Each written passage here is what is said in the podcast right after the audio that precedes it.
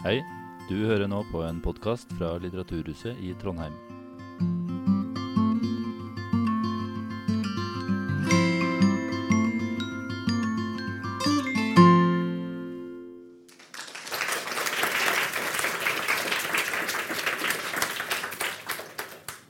Hei og velkommen til debatt i P2. Der er temaet helsedata og hvordan norske helsedata kan og bør benyttes. Mitt navn er Jan Markus Johannessen, og jeg er ordstyrer for denne diskusjonen på Litteraturhuset i Trondheim. Norske helsedata i form av data i helseregistre og biobanker omtales iblant som en gullgruve. Å benytte helsedata bedre og til økonomiske og kommersielle formål er et politisk mål i flere nordiske land. Men hvem er det som vil dra nytte av en kommersialisering av norske helsedata? Hvilke visjoner har norske myndigheter for bruk av norske helsedata? Og ville den norske befolkningen være innforstått med å dele eller selge helsedata til andre land eller store internasjonale selskaper? For å diskutere disse problemstillingene har vi med oss et panel bestående av Camilla Stoltenberg, direktør i FHI, Heidrun Aam, sosiolog og førsteamanuensis ved Institutt for sosiologi og statsvitenskap, NTNU, Arnoldo Frigessi, professor i statistikk ved Det medisinske fakultet, UiO. Håvard Kolleris, avdelingsdirektør i Direktoratet for e-helse. Og Carl Erik Grimstad, tidligere stortingsrepresentant for Venstre og da eh, tidligere medlem av helse- og omsorgskomiteen. I dag førstemannuensis ved Høgskolen i Kristiania. Høgskolen Kristiania. Jeg tenker Vi kan starte med et kjapt spørsmål til deg, eh, Håvard. Hva er helsedata? Ja, hva er helsedata? Vi snakka litt om det innledningsvis. så da, tenkte vi at kanskje vi må ta med et leksikon, for det er jo fryktelig mange definisjoner på hva helsedata er. Um, og Man kan jo også snakke om uh, ja, ulike steder helsedata er. Uh, men det er jo informasjon om, om deg som person da, og din helse.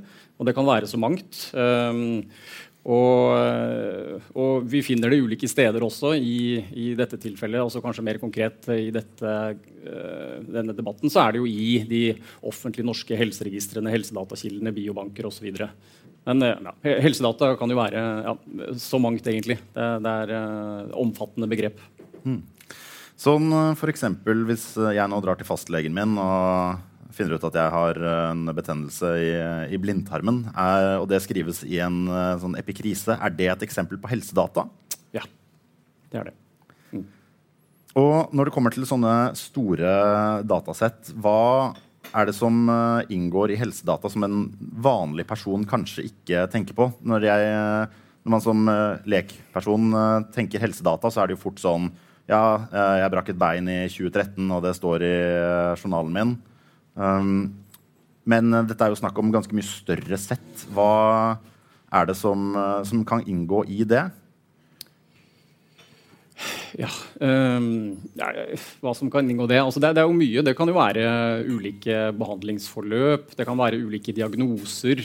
Det kan være ulike uh, personopplysninger, vekt, høyde altså det, Så det kan være så mangt da, som man registrerer. Um, Uh, om deg som, som person. Uh, det er sikkert andre her i panelet som, som vet uh, ja, mer om detaljene om, om ja, hvilke helsedata. Det er det. Ja, vi kan jo spørre deg, Camilla Stoltenberg, du som er direktør i Folkehelseinstituttet. Hva, dere jobber jo med store mengder helsedata. og hvordan, Hva er helsedata for dere i en så stor organisasjon? Og Det er ganske mye, men jeg kan jo forsøke meg på øh, en kortversjon. Eh, helsedata er de dataene som kommer fra enkeltpersoner, fra helsetjenesten øh, og også fra andre typer aktiviteter. Det kan til og med være slik at man kunne utvidet øh, definisjonen til å handle om hva folk kjøper av mat i butikken. Det er ikke definert som helsedata i dag, men eh, det kan også brukes som helsedata. Det som er innenfor loven når det gjelder helsedata, det er jo det som samles i helsetjenesten, og det som samles til forskningsformål, til helseforskningsformål fra individer ute i samfunnet. Og eh, I helsetjenesten og også ute i samfunnet så kan man jo samle både hva skal jeg si, svar på spørsmål, og man kan samle mer Eh, objektive ting som noen andre har målt, eh, høyde, vekt osv., eller eh, noen, noen, målinger i blodprøver som kan si noe om man er disponert for sykdom eller ikke. Og så kan det trekkes helsedata ut av biologisk materiale som man har fått fra enkeltpersoner.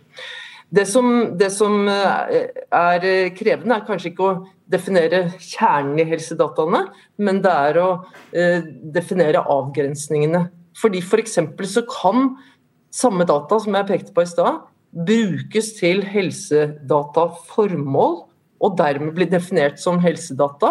Og så kan de brukes i andre sammenhenger, og dermed bli definert som noe annet. Mm, så helsedata er et, et meget uh, vidt begrep.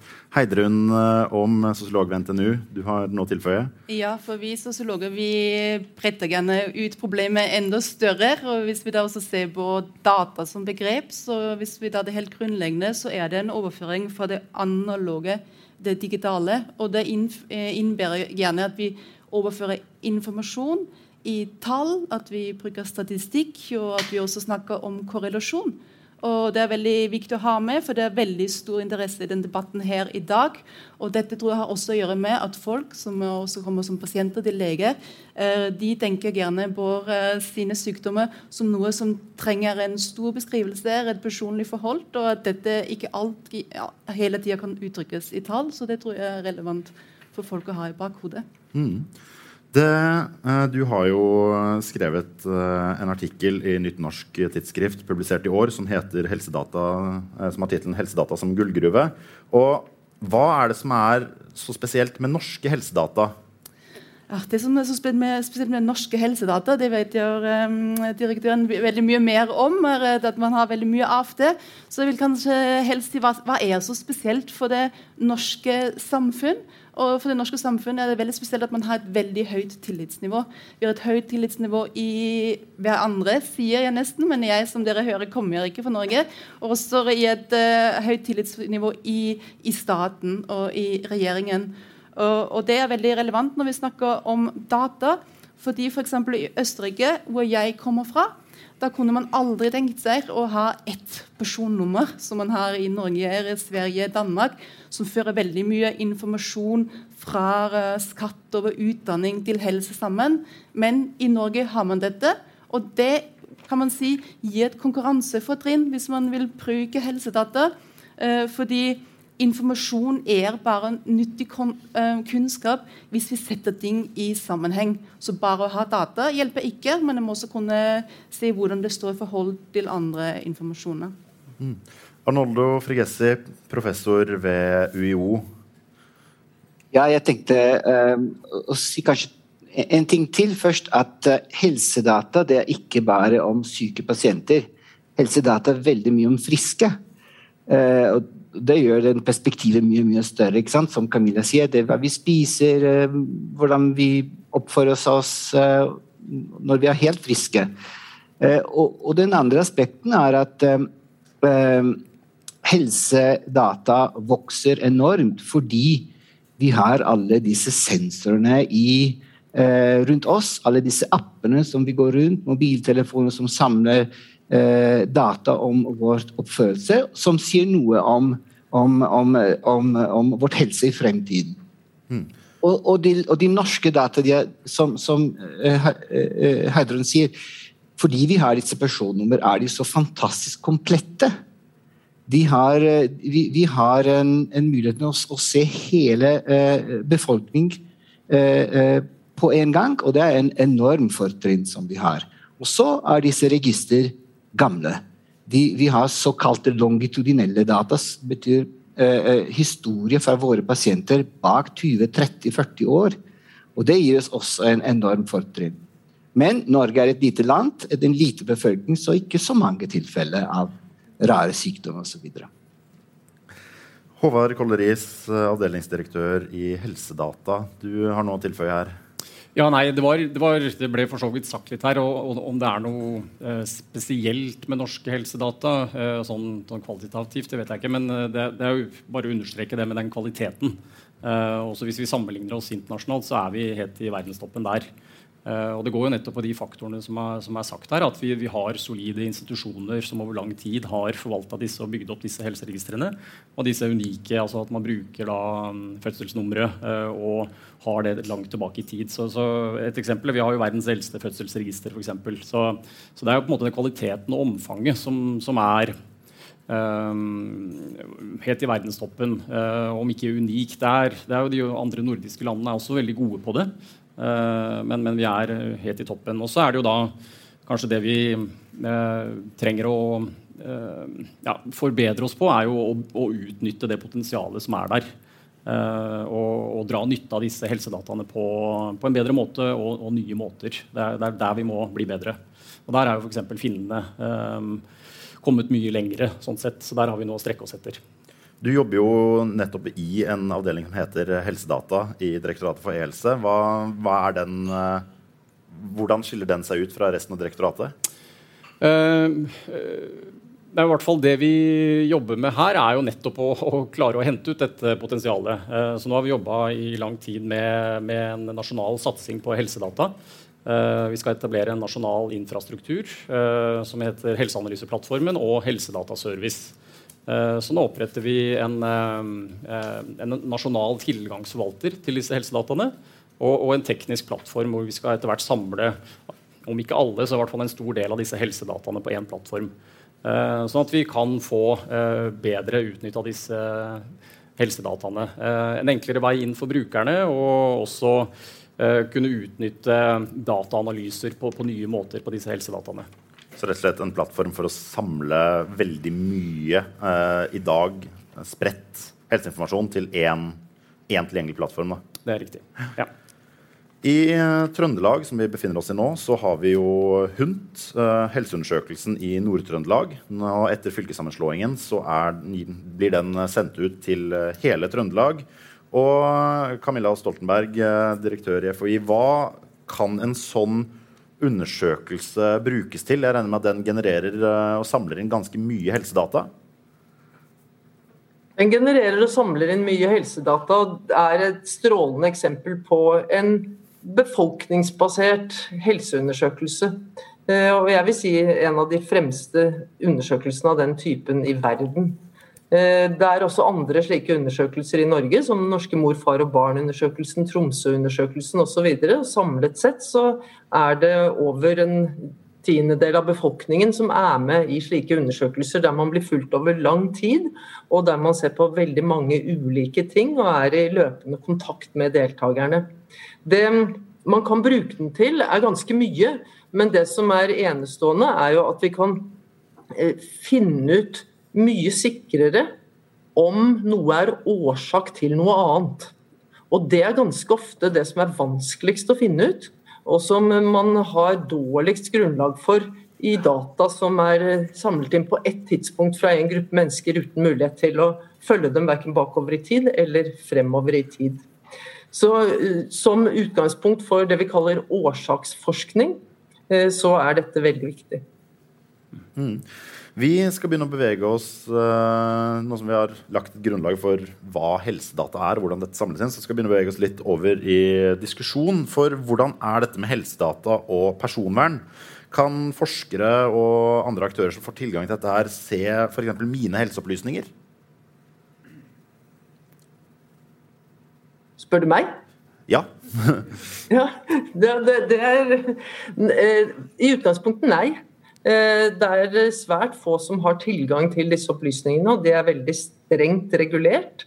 Eh, og når man får tilgang, så er det også streng regulering av bruken. Eh, det er avgrenset til visse problemstillinger. Man får de variablene som er nødvendige for å undersøke det man skal se på, og man får ikke i utgangspunktet opplysninger om den enkelte personen, altså navn, fødselsnummer osv. Eh, og så er det fordi det likevel kan være en mulighet for identifikasjon, mange mekanismer for å sørge for at det ikke skjer, og høy straff hvis man bryter de reglene.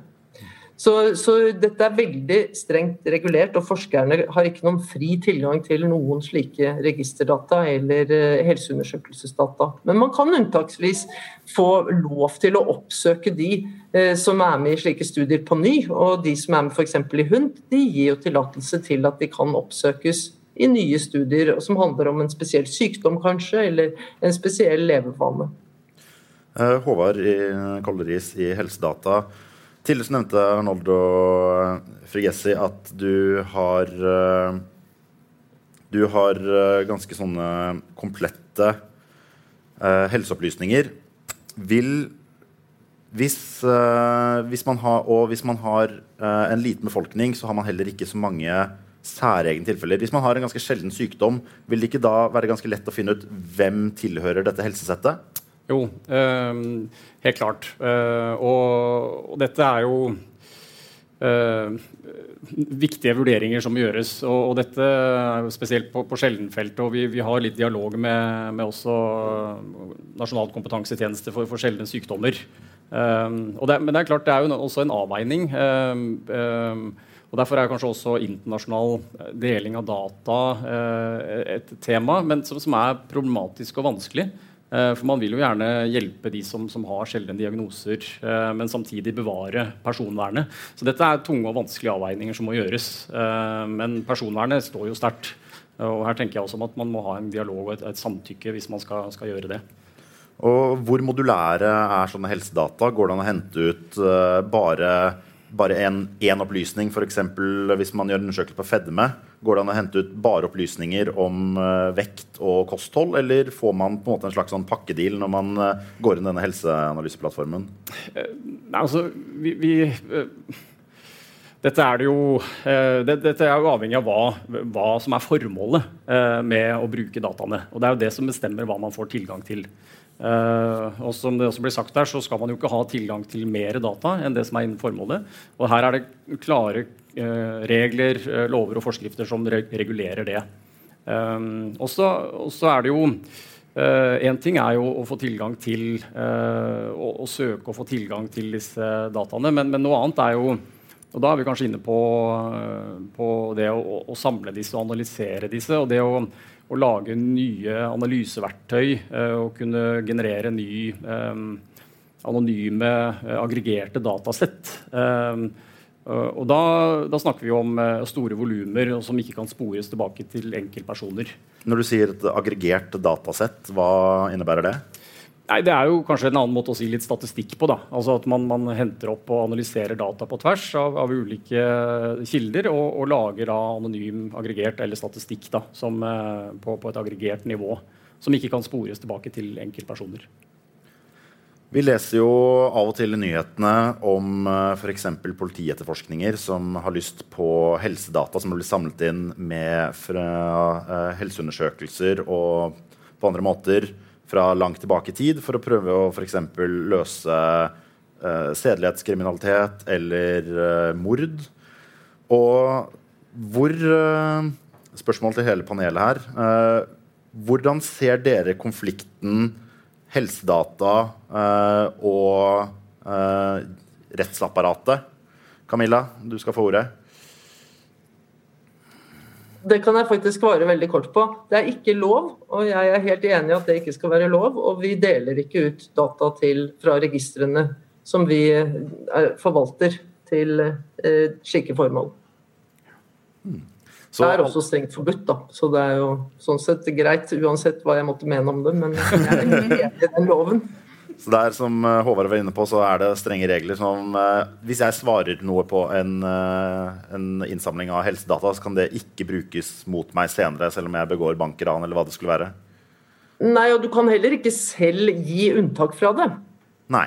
Ikke sant? Og det, og det, er, det er, jo faktisk en viktig ting.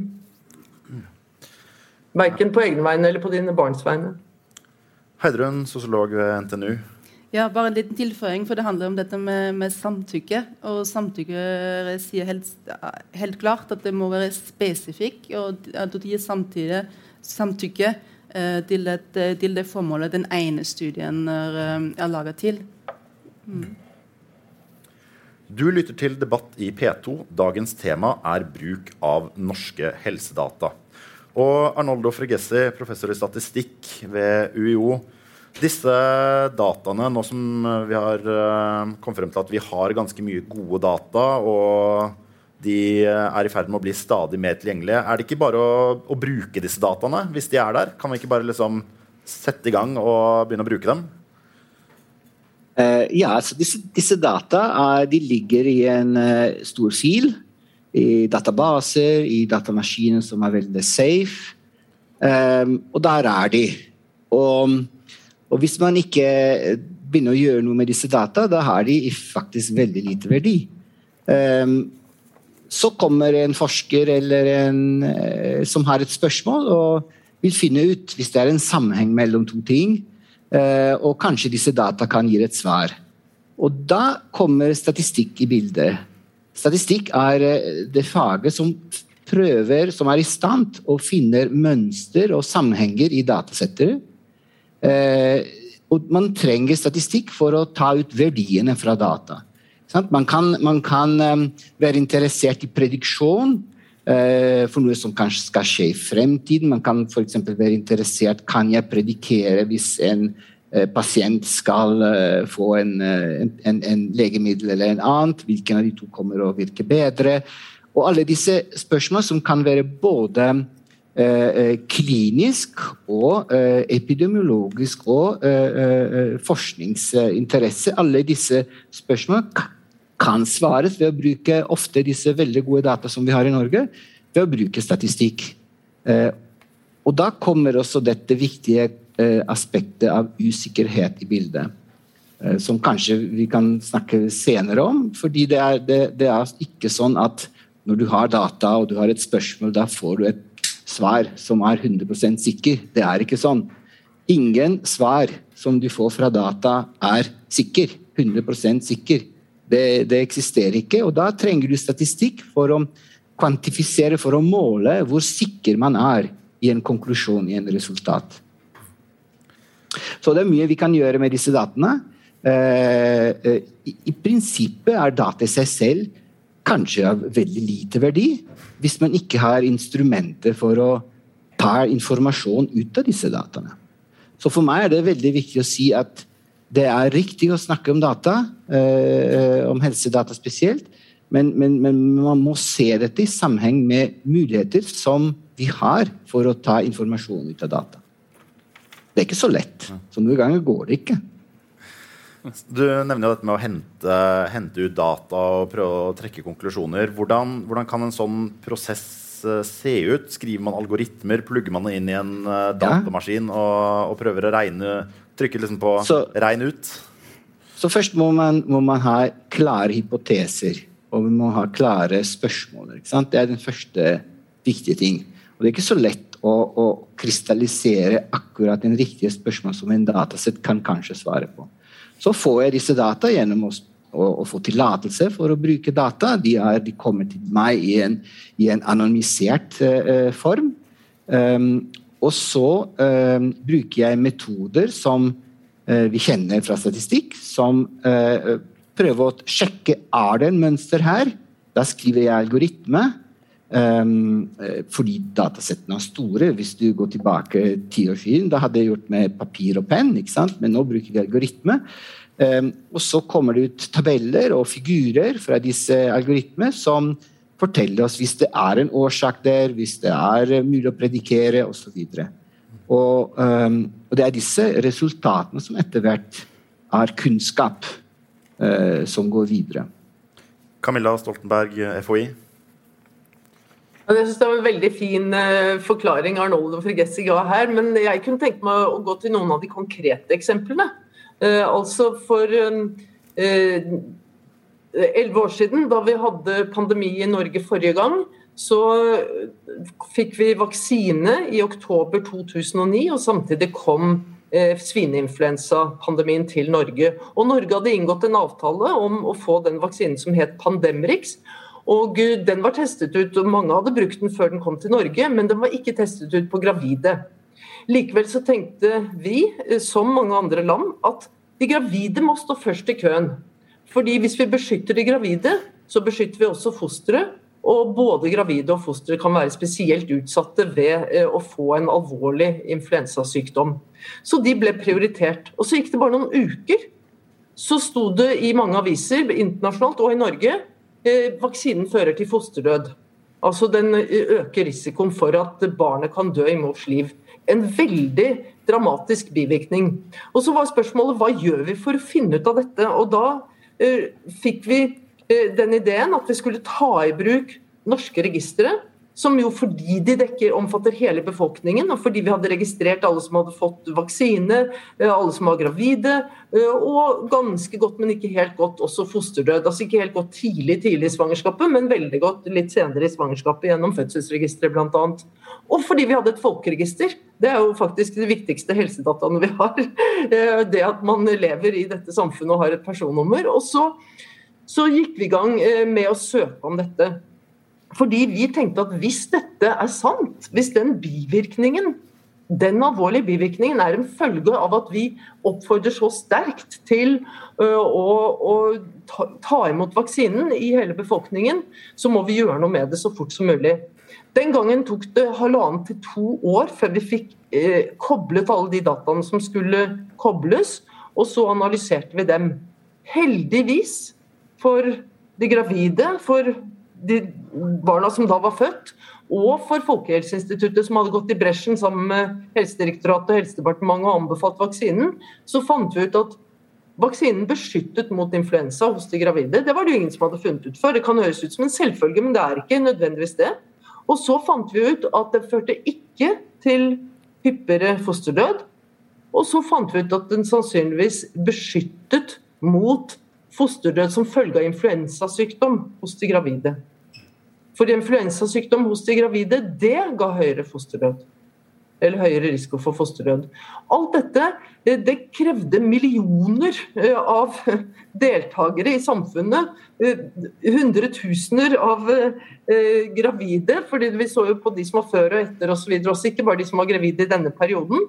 Og det førte til en artikkel først, og så flere, som hele verden eh, var opptatt av. Så da det omsider kom, riktignok altfor sent, for da var det gått tre år, og vi hadde fortsatt å anbefale vaksinen selv om vi ikke visste helt sikkert at den var trygg.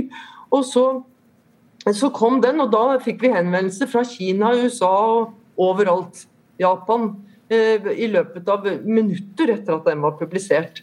Fordi den type data har man nesten ikke. Og det er ganske utrolig når man gjør det man f.eks. nå har gjort. Altså vaksinere millioner på millioner av mennesker i verden. Og det fortsetter man med. Og så er det bare noen få land som har data til å svare raskt og ganske pålitelig på hvilke bivirkninger fører det faktisk til. Ekstremt viktig type informasjon som du må ha denne type data for å kunne svare på. Det er ingen andre typer data du klarer å gjøre det med. Det. Uh, og, og, Det betyr jo f.eks. at samarbeid mellom de nordiske landene nå under pandemien om å se på eh, bivirkninger altså Det aller viktigste er jo å avkrefte mistanke om mulige bivirkninger. Og så hender det jo at vi dessverre også da kan bekrefte alvorlige bivirkninger. Og Det gjorde vi i forrige pandemi uh, når det gjaldt narkolepsi. Eh, hos en del barn som hadde fått den vaksinen. En svært alvorlig, heldigvis sjelden, men ekstremt alvorlig bivirkning. Og vi har gjort det nå eh, mye raskere og bedre fordi vi har hatt en helt annen tilgang til data når det gjaldt eh, den veldig alvorlige bivirkningen som en del helsearbeidere i Norge annet fikk etter at de fikk AstraZeneca-vaksinen. Så det er det er gode eksempler på hva det kan brukes til, men de er for så vidt identiske med det de kan brukes til også i roligere tider. Det er bare at behovet for at det skal gå veldig fort det er stort, og dramatikken rundt det her er stor, så oppmerksomheten blir også stor. og Da er det litt lettere å forklare hva det dreier seg om. Takk. Det er jo noen veldig gode eksempler på hva helsedata kan brukes til av eh, staten og det offentlige. Men uh, Heidrun Aam, eh, sosiolog ved NTNU, har private aktører uh, brukt norske helsedata uh, tidligere? Har vi noen konkrete eksempler på det? Um, om private aktører uh, har brukt helsedata i, tidligere, det har jeg ikke konkrete eksempler på. Men uh, det vi ser rundt uh, en sånn generell eh, diskurs rundt en datadreven økonomi i de siste årene, det er at man ønsker at også offentlige data skal bli mer og mer en ressurs for næringslivet. Det er en, en generell utvikling, og den finner man kanskje spesielt i, i, skandinaviske land, der man tror at man har en konkurransefortrinn. dette blir gjerne kalt for den nordiske datadrømmen. Um, F.eks. vet vi at um, det finnes forskning på Finland, uh, som du også sa tidligere, at det har kommet lenger enn Norge, og Danmark, da man uh, så på hvordan myndighetene i disse landene jobber for uh, å bruke um, helsedata også for økonomisk gevinst. Og Argumentet til de forskerne er at vi ser et skifte her i hvordan man tenker over helsedata i politikken fra at det ikke bare skal være for å forbedre helsevesenet, folkehelse og for gagne pasientenes ve og vel, til at vi også skal kunne finansiere framtidas velferdsstat med, med disse eh, helsedatene. Altså Alt dette er en del av en generell trend da økonomi skal bli mer datadrevet. Camilla Stoltenberg, FHI. Det er mulig jeg ikke har tatt ned hånden, men jeg kan godt ja, okay. Det er et velkjent problem. Alle er Det er en veldig fin beskrivelse, fordi, fordi eh, dette har kommet veldig tydelig til uttrykk bl.a. i den stortingsmeldingen om helsedata som eh, den forrige regjeringen kom med i april 2019. Eh, og eh, min personlige mening er at det er absolutt grunn til å se på om man også kan få næringsutvikling og eh, kommersialisering av resultater som kommer ut av bruk av helsedata. Det tror jeg det er store muligheter for. Men samtidig så eh, mener jeg at eh, det er nokså jeg vet ikke hva jeg skal kalle det, umodent i den forstand at før man gjør det, så bør man ha en veldig god ordning for hvordan man skal sikre at de gevinstene kommer fellesskapet til gode. Eh, ellers mener jeg at det vil være en utarming både av samfunnet eh, og eh, individer i det norske samfunnet. Og Hvordan det skal løses, det har ikke jeg svaret på. Men jeg mener at det er helt avgjørende, og at, det må man faktisk gjøre først. Man kan ikke først slippe dataene løs, for da er det ingen tvil om hvilke aktører det er som er i stand til å utnytte dem best, og, og dermed få de største gevinstene ut av dem. Og jeg har ikke sett at man egentlig har beskrevet hvilke mekanismer det skal være som gjør at dette skal kunne um, ja, erstatte oljen, eller det, har vært brukt mange begreper. Være gullet vårt eller arvesølvet vårt, eller hva det måtte være. Og fortsette å være det, for man trenger jo også da investere i helsedata på en helt annen måte. Bl.a. i sikkerhetsløsninger og personvernløsninger som langt overgår de vi har i dag, etter min mening. Takk. Karl Erik eh, Grimstad, du satt jo eh, på Stortinget for eh, Venstre i den perioden som nettopp var over. Og du satt også i helse- og omsorgskomiteen. Så du har jobbet en del med dette her politisk. Skulle du si litt hvordan, om hvordan Hva dere har gjort? Ja, det, dette har vært et ganske spennende arbeid. Eh, fordi eh, Først og fremst så, så var jo dette lå i næringskomiteen og ikke i helse- og omsorgskomiteen. Men debatten eh, lå jo for så vidt i helse- og omsorgskomiteen. Og, og, og, komiteen har vært, har vært, veldig opptatt av dette her i, i den siste fireårsperioden. Bl.a. så har vi besøkt Lawrence Livermore National Laboratory i San Francisco. Det gjorde også den forrige helse- og omsorgskomiteen som har et veldig utviklet samarbeid med Kreftregisteret, som er et av de virkelig to store kremregistrene i Norge.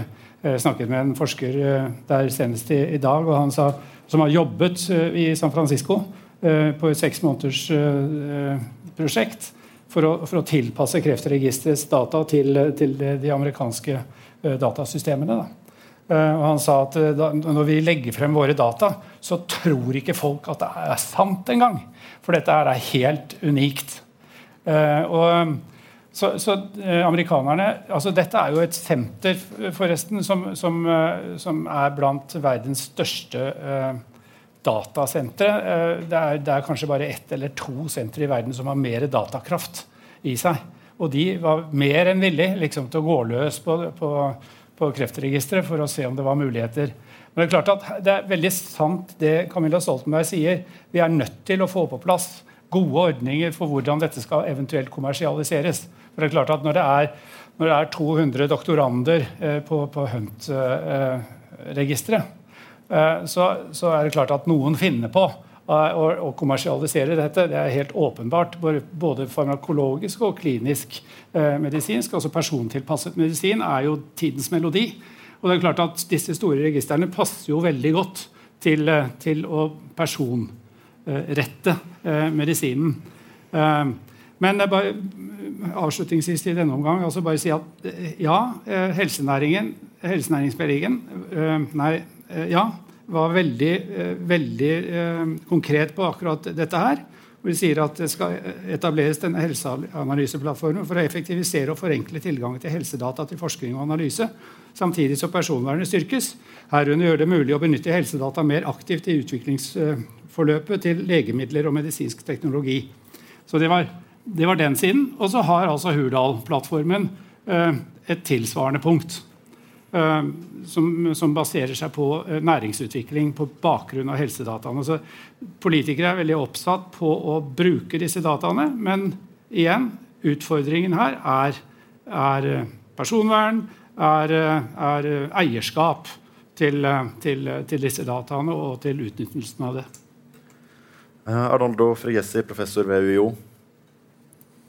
Jeg tenker å, si to ting. For det første har jeg lyst til å si at Eh, det haster å finne nye medisiner og, finne, og forstår hvordan vi kan hjelpe pasienter. Det haster. Um, og vi har sannsynligvis de dataene der i våre datamaskiner som kan gi et svar.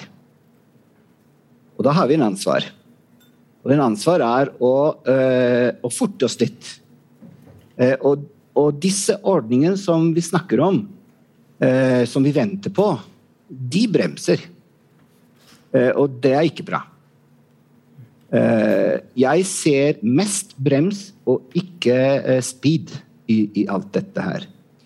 Eh, det er klart at for å få medisiner ut til pasienter trenger vi legemiddelindustriene. Det er 100 eh, viktig at, at det er de som produserer, det er de som uh, lager medisiner. De som forstår hvordan man kan gå fra en idé, fra en konsept, fra en biomarkør til en pille. Så vi trenger legemiddelindustrien. Uh, og det koster å produsere medisiner enormt. Uh, så er det dette spørsmålet om profitt, og det er det jeg er veldig enig med hva Camilla sa før.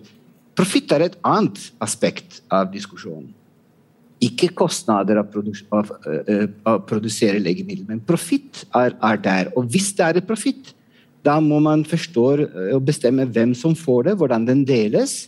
Um, og jeg er veldig enig i at dette profittet skal gå tilbake til, til fellesskapet. Absolutt. Um, men at vi venter for ordningen for å dele dette profittet, og derfor gjør ingenting, er ikke bra. Heidrun Aam, sosiolog ved NTNU. Ja, altså Det med næringsutvikling basert på offentlige helsedata synes jeg er et veldig svart tema. For uh, man må avveie at man får bedre medisiner og bedre diagnoseverktøy på den ene sida, med en bestemt fare for at vi kan miste tilgang til uh, kunnskap. Uh, som nevnt før, så handler dette om, om eierskap. man må sikre seg kontroll over disse datene. I Storbritannia var det et tilfelle at, at Google med sitt underselskap DeepMind fikk tilgang til 1,6 millioner pasientdata da de skulle hjelpe med å utvikle en app for å forbedre oversikt over en viss nyresykdom som skal hjelpe helsepersonell. Og, og, de trengte veldig mye data, så at de kan utvikle gode analyseverktøy. Eh, men, men, det som skjedde, var for det første at eh, ingen av disse pasientene noen gang ga samtykke til at de dataene ble overført. Det var intransparent. Og så er det sånn per i dag Nå sitter Google fortsatt på disse pasientdatene, men den appen den har aldri blitt utviklet. Så hvis man da jobber sammen med store um, internasjonale bedrifter, er det legemiddelindustrien, er det IT-bedrifter som, som, Google, så må vi ha i bakhodet at deres formål er å lage avkastning for, for de som, som, eier Google, og ikke uh, til å lage det som er det beste for, for fellesskapet. Camilla Stoltenberg, FHI.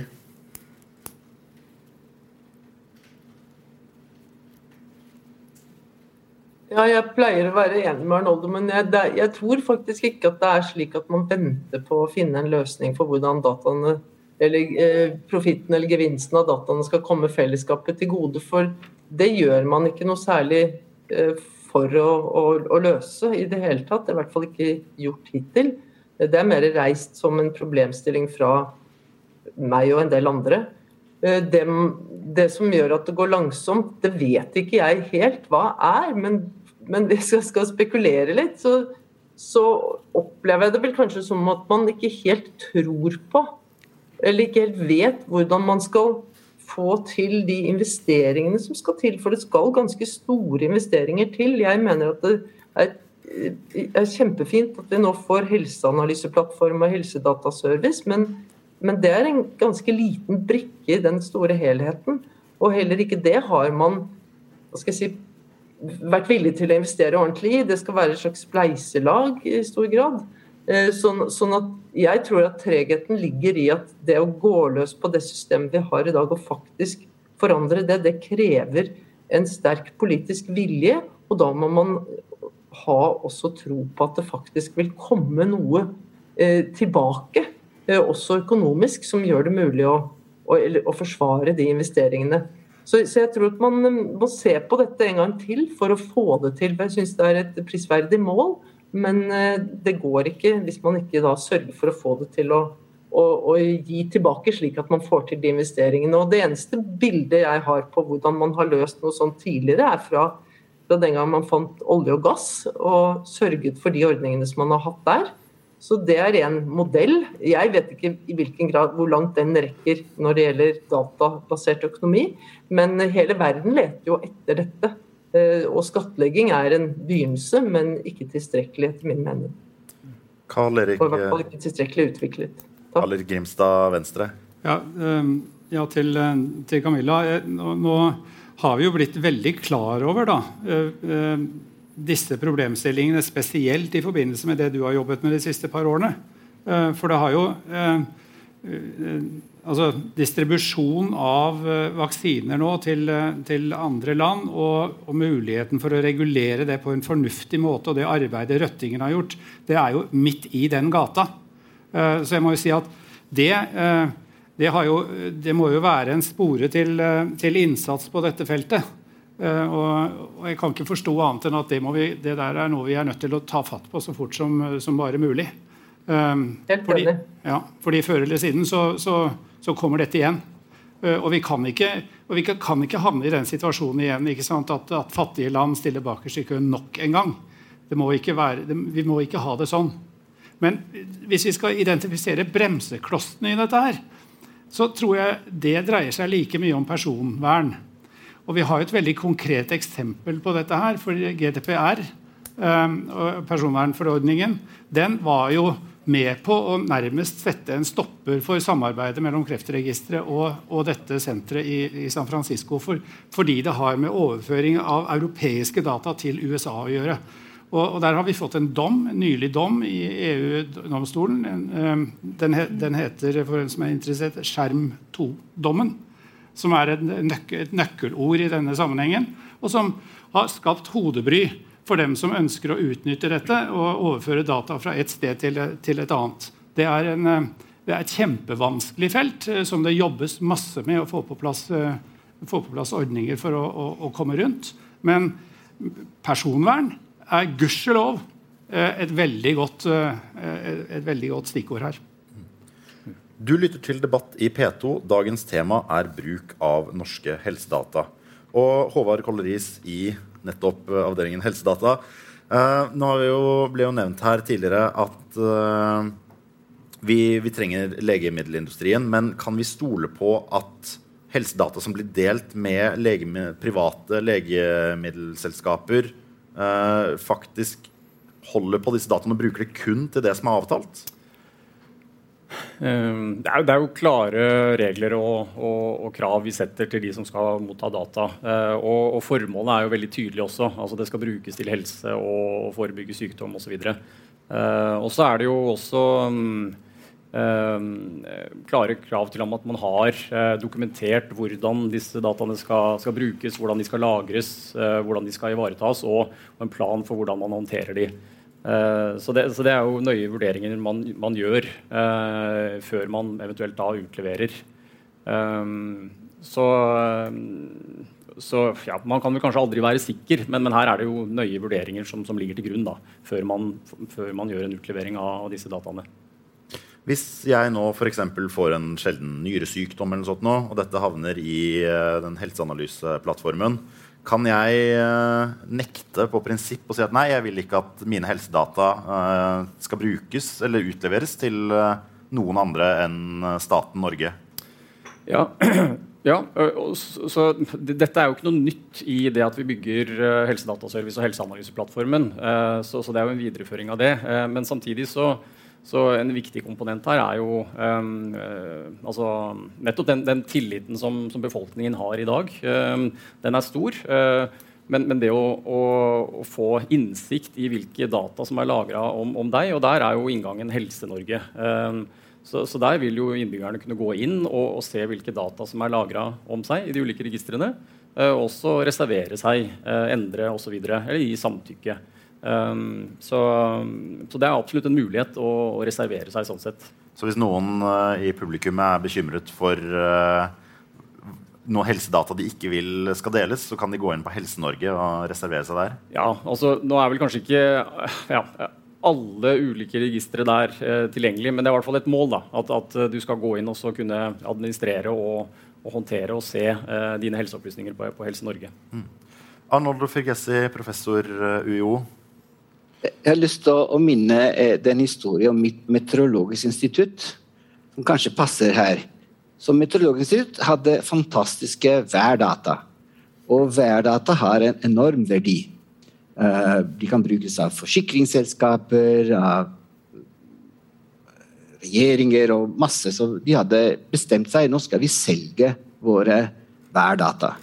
Så var det satt i en pris, eh, og ingen kjøpte de. Da, etter et år, da halverte de prisen, og ingen kjøpte ingen av disse værdata. Så de produserte null verdi. Så bestemte de seg sammen med NRK å lage Yr, og øh, faktisk bestemte de at alle data man kunne få de gratis. Og disse data har skapt en enorm verdi. Arbeidsplasser i Norge, i mange andre land osv. Så, videre. så øh, jeg er ikke så sikker at eh, vi må tenke veldig, veldig lenge om profitten for å skape en økonomi rundt disse helsedatene. Jeg, jeg, er mer interessert å se de i bruk. Og, og, og det, det, det, går sakte, og det er vanskelig, og vi må finne ut hvor er bottlenecks for å, for å, for å skynde oss. Den, den, eh, det er også veldig interessant å tenke disse dataene som en raw material, ikke sant? the prime material, eh, som vi eier fordi disse data er norske pasienter, litt som olje som sitter i våre havene. Eh, og, og, hvis vi tenker um, um, på en kapitalistisk måte, fordi vi eier disse råmateriene, skal vi ha en profitt. Også hvis de resten av eh, pipeline, resten av kjeden, er, er gjort et annet sted i et annet del av verden. Men data er et veldig spesielt råmateriale, som Heidrun fortalte oss før. De kan flyttes uten problem her og der. Faktisk De norske data i seg selv er ofte ikke nok for å løse et problem. Vi må koble de med andre sammen. Hvis, hvis ikke klarer vi ikke å svare på disse spørsmålene. Så jeg tror vi må faktisk tenke helt nytt her. En helt ny måte å produsere verdiene som er ikke den klassiske eh, som vi kjenner. Eh, eh, som jeg tror bremser fortskritt nå. Heidrun Aam, sosiolog ved NTNU. Ja, jeg syns eh, det er veldig interessante perspektiver som kommer nå. Men en ting er jo det med å se på sånn økonomisk gevinst. Men vi snakket også en del om, om bremseklosser, kom det fra Arnoldo før. til dette vil jeg bare tilføye til den diskusjonen før at Eh, å framstille personvern som bremsekloss, det kan være veldig sånn tvetydig. Så for vi, som du også framhever, så er det jo nettopp dette noe som er betryggende, så at eh, folk faktisk har tillit eh, til de systemene. Men en, en sånn utfordring som vi i dag kanskje har snakket veldig lite om fram til nå, det er hvordan data blir til. Altså Alt det arbeidet som investeres av helsearbeidere i dokumentasjon, i hva som egentlig inngår i, i det tallmaterialet, all den eh, På engelsk heter det data curation. altså At du må finpusse de dataene så de egentlig snakker sammen. Så tenker vi må ikke nå falle inn etter denne debatten i en sånn idé om hvis bare vi har data og de er tilgjengelige, så, eh, så kan vi være veldig begeistret. Og da har vi veldig mye kunnskap. Men vi må se at det koster veldig mye arbeid og forståelse og analyseverktøy for og, om vi egentlig kan bruke det til noe. Og så er det også en veldig bestemt form å vite gjennom data, og det passer til noen formål, og så passer det kanskje ikke til andre. Vi eh, begynner å nærme oss eh, slutten av diskusjonen, men vi skal få en siste sjanse til å prøve å se litt inn i eh, spåkula og spå fremtiden. Eh, fremtiden. Hva tror dere framtida for uh, norsk helsedata er? Her er det bare førstemann til å ta ordet. Håvard Kolleris, Helsedata. Ja. Eh, nei, jeg tenker at vi, vi uh, bygger eh, noe Altså en, en, plattform og et fundament da, for å få mer bruk og bedre bruk av helsedata i Norge nå. for å virkelig få ut potensialet. Og så, så, er det i hvert fall ikke ja, Direktoratet for e-helse og vår oppgave å kanskje definere hvordan de skal brukes, eller hvilke nye analyseverktøy og sånt skal, som skal benyttes. Så, så, det tenker jeg er ja, Arnaldo og, andre type ja, eh, forskningsmiljøer. Um, men, jeg, men jeg, jeg, tror i hvert fall at vi, vi vil kunne hente ut noe av det potensialet. i hvert fall. Uh, og, og, i større grad bruke disse helsedataene uh, mer enn vi gjør i dag. Det, det er jeg ganske sikker på. Karl Erik Grimstad, som politiker så nevnte at dette er noe som uh, dere begynte å jobbe med i uh, din stortingsperiode, og Hurdalsplattformen tatt videre. Tror du at kommer, de kommer til å videreutvikle det, og at det kommer til å bli uh, legemiddelnæringen som kan få bruk for dette her? Ja, det, det, er jeg ganske sikker på. Eh, men jeg, har vel egentlig lyst til å sende en hilsen til den nye helse- og omsorgsministeren, som, som jo kommer fra Stjørdal og er åpenbart en del av Hunt-datamaterialet selv. Og hun er veldig opptatt av det. Altså, jeg tror ikke vi har vært så, så mange reiser uten at hun har trukket frem akkurat den undersøkelsen. og når, når, de, når, det nå står i, i Hurdal-plattformen at helsedata skal stimulere til innovasjon og næringsutvikling, så tror jeg de mener det på alvor. Uh, og Jeg er helt sikker på det kommer. Men jeg håper jo intenst at de tar tak i akkurat det som vi har vært inne på her i dag. Både når det gjelder eierskap til dataene, men, men også når det gjelder uh, personvernsiden av saken. Og, det har jeg vel grunn til å håpe at de, at de gjør. Mm. Arnoldo Fregessi, professor ved UiO. Tror du eh, det kommer til å være en eh, mer eh, uselvisk deling, sånn som du var inne på med disse værdataene, eller tror du det kommer til å være en mer kapitalistisk modell for å selge data videre?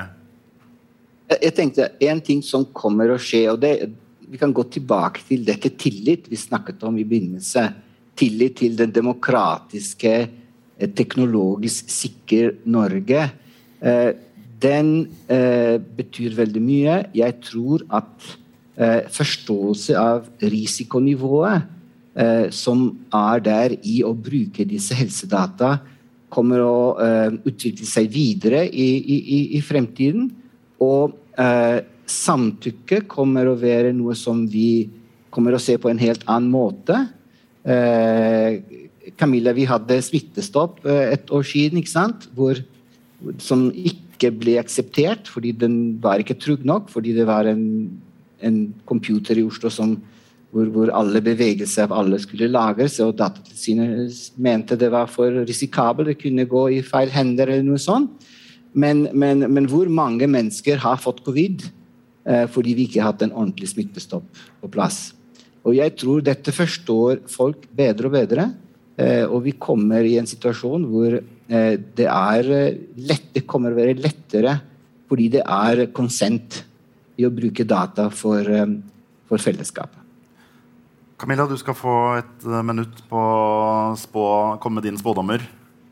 Jeg er helt enig med Arnoldo. og sånn sett så tror jeg at pandemien har hjulpet oss. fordi at vi har riktignok ikke hatt smittestopp, det mener jeg var en stor tabbe å ikke ha den. Og så har vi heldigvis hatt eh, bedre tilgang til koblede registerdata enn det vi vanligvis har. og Det betyr at vi har kunnet svare på spørsmål i løpet av dager og uker istedenfor i løpet av år. Og det tror jeg ikke at verken befolkningen, media eller politikerne kommer til å eh, like at vi går bort fra igjen. Fordi Når vi da går bort fra de spesialordningene som har vært etablert i forbindelse med pandemien, så vil vi være tilbake til en situasjon der politikerne kan si vi vil gjerne ha svar på spørsmål om på hvilken måte pandemien rammet eh, folk som er født i utlandet og bor i Norge. Og da ville vi kunne svare, slik vi har pleid å svare på den type spørsmål. Det kan ta lang tid, kanskje flere år, og vi vet ikke sikkert om vi vil kunne svare på det i det hele tatt. Nå har vi svart på det løpende fra uke til uke, og det har vært en veldig viktig form for informasjon for å vite eh, hva det er vi trenger å gjøre for å få til en god håndtering og beskytte folk mot pandemi.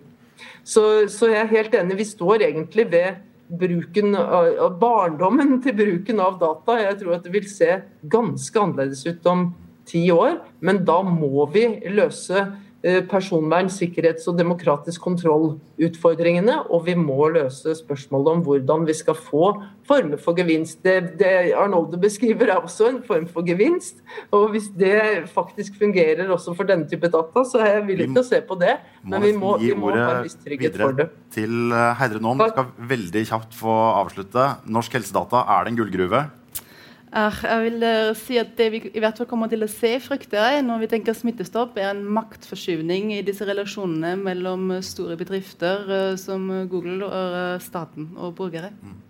Tusen takk. Dette har vært Debatt i P2, arrangert av Litteraturhuset. Mitt navn er Jan Markus Johannessen.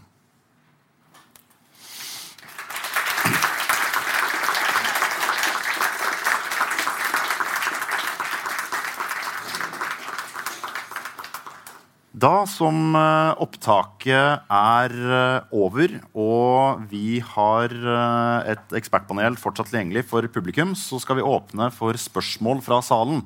Så da er det, Hvis dere har noe dere lurer på, eller ønsker å stille spørsmål til panelet eller enkeltpersoner, så er det bare å rekke opp hånda, så kommer vi rundt med en mikrofon. Ja, vi har et spørsmål her borte.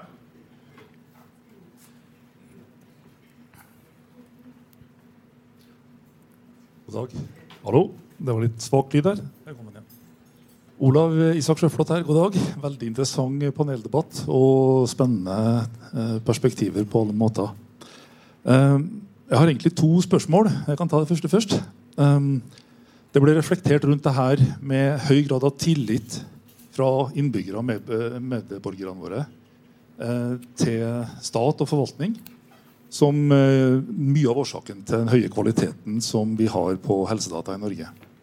Og så ble det eh, gitt eh, ovasjoner fra, fra, Lawrence Livermore på kvaliteten på norske helsedata anvendt i USA.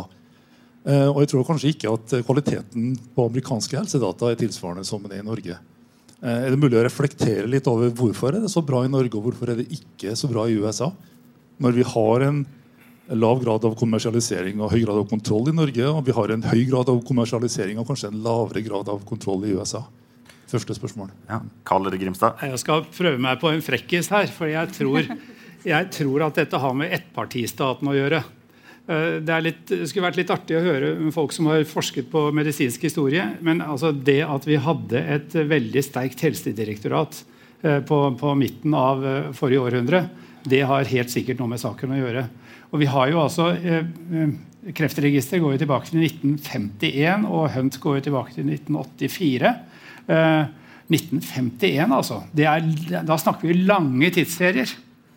Og, og, og, vi hadde jo en relativt begrenset og oversiktlig befolkning å, å forholde oss til eh, i, i, kreftsammenheng. Og, og, så har dette eksplodert. Men vi, vi, har hele tiden vi, vi, har jo en veldig egalitær og en relativt homogen politisk oppfatning i dette landet. Når det dreier seg om sånne ting. Bare se på disse debattene om dette som vi har snakket om her nå i Stortinget. De tammeste debattene man kan tenke seg. Folk er så enige. Og det ser man også både på, på helsenæringsmeldingen og det som står i Hurdalsplattformen nå. Heidrun om. Ja, og så har det med solidaritet å gjøre. vil jeg si. At man har investert i mange år uh, offentlige penger i det offentlige helsevesenet, som vi som kjent ikke fins uh, i Amerika, der det er mer en individuelt ansvar å ta vare på helse. Og da har du ikke utviklet et like stort uh, datareservoar, for det har man jo gjort for, for fellesskapet. Mm. Jeg prøver meg på en liten, ja, jeg prøver meg på en liten replikk først. bare. For, eh, for, eh, for, hva skal da hvis vi tar inversen av den, hva skal da til for å rive ned det vi har i Norge? ikke sant? Og hvordan, eh, Hvor villige er vi til å, til, å, til å, ta risiko med den tillitsplattformen som vi har? Hvor stødig er den? Det må vi ha også et bevisst forhold til når vi ser på hvordan vi velger å, kommersialisere og, og ta, ta, tak i det her. Det, det er også veldig viktig. Ja. Her er det jo en del uh, paradokser ute og gå også. Jeg tror FHI erret seg kanskje grønt over det som skjedde med smittestopp. Der uh, til slutt uh, er det jo Google og Apples Notification Exposure Framework som blir brukt. og så er det litt sånn ironisk kanskje at det plutselig blir nettopp disse store internasjonale private selskapene som står fram som, som slags champions of privacy. Og dette brukes, men, men ikke løsningen som staten utviklet. Mm. Ja, så jeg ta andre spørsmålet. Det går på GDPR. Eh, for jeg merka meg at GDPR var en bremsekloss. Eh, og det, det, det, det, kan det helt klart oppfattes å være. Eh, men det er kanskje en bremsekloss som er plassert der for en grunn skal vi kanskje være glad for at vi har EUs eh, e personverndirektiv, som kan eh, legge en liten eh, hinder i veien for Google, Amazon, Apple og andre når de gir data til Cambridge Analytica og andre for formål helt andre enn dem vi tror. Er en tjeneste gratis, så er gjerne du produktet. Og, og, og når vi gir bort våre helsedata for å i bytte få raskere utvikling av medisiner osv., vi tror om at det hjelper oss på sikt. Det gjør det helt klart. Men eh, det er noen ting også med den tillitsplattformen der. da, er det viktig at vi er bevisst på, tror jeg, for å ikke gå på en smell, for å si rett ut. ja. Kalle Grimstad? Ja, jeg er venstrepolitiker. og jeg, jeg engasjerte meg i politikken fordi jeg er opptatt av personvern. Jeg er helt enig at GDPR er, høyst, det var, det er, det er svært viktig. det er svært viktig for oss. Helt åpenbart. Og jeg er jo jeg vet jo det at Camilla irriterer seg over, over, at vi stoppet denne smittestoppen. Og vi var med på å stoppe den, Camilla. Um, men uh, det kom jo noe godt ut av det. For det kom en bevissthet om at det er uh, at vi går inn, Her går vi inn i et farvann som er ganske turbulent. Uh, og, og så, jo, så, fikk vi jo da en ny ordning. Og så kan vi se på den og se om vi, vi kan gjøre noe med det. men men tilbake til ditt første spørsmål.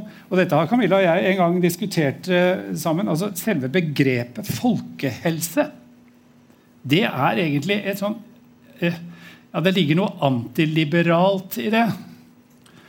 Ikke sant? Fordi det, det er altså for, Helse for hele folket. Det er, det er en sånn uh, Ja jeg, jeg, vet ikke om du forstår hvor jeg vil hen. Men det, er for, fordi det er en Det går jo Eh, det har jo noe med, med, med, med, at du bryter på en måte ned eh, individet.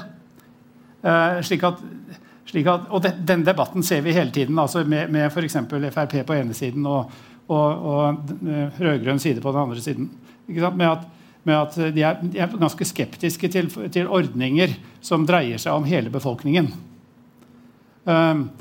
så når du spør om trusler mot, mot uh, disse helsedataene, så kan, det tenkes en, uh, så kan det tenkes en konfliktlinje som går på at noen sier nei, vi, uh, nå, nå, har vi gått for langt her. Nå, I at, folk, at, at, Camilla og andre i, i instituttet skal, skal, tenke for oss.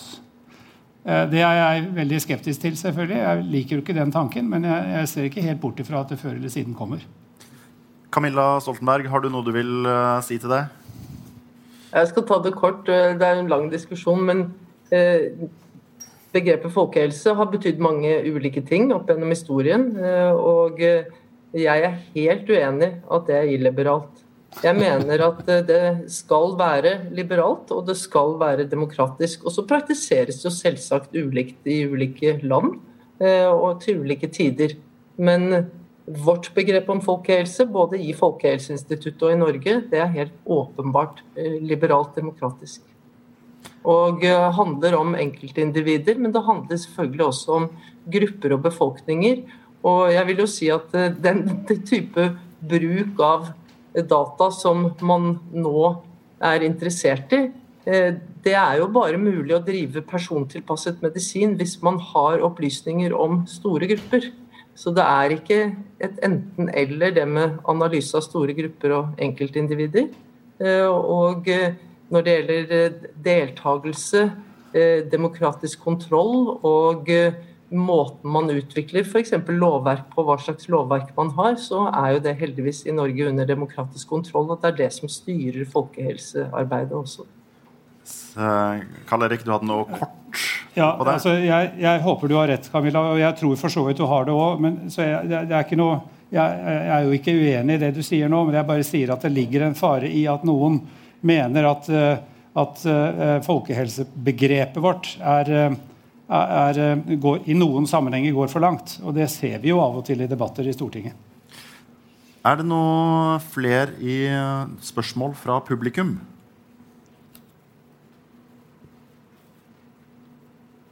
Nei, det synes det ikke å være. Da tenker jeg egentlig vi kan uh, takke panelet for uh, deltakelsen og gi dem en uh, varm applaus.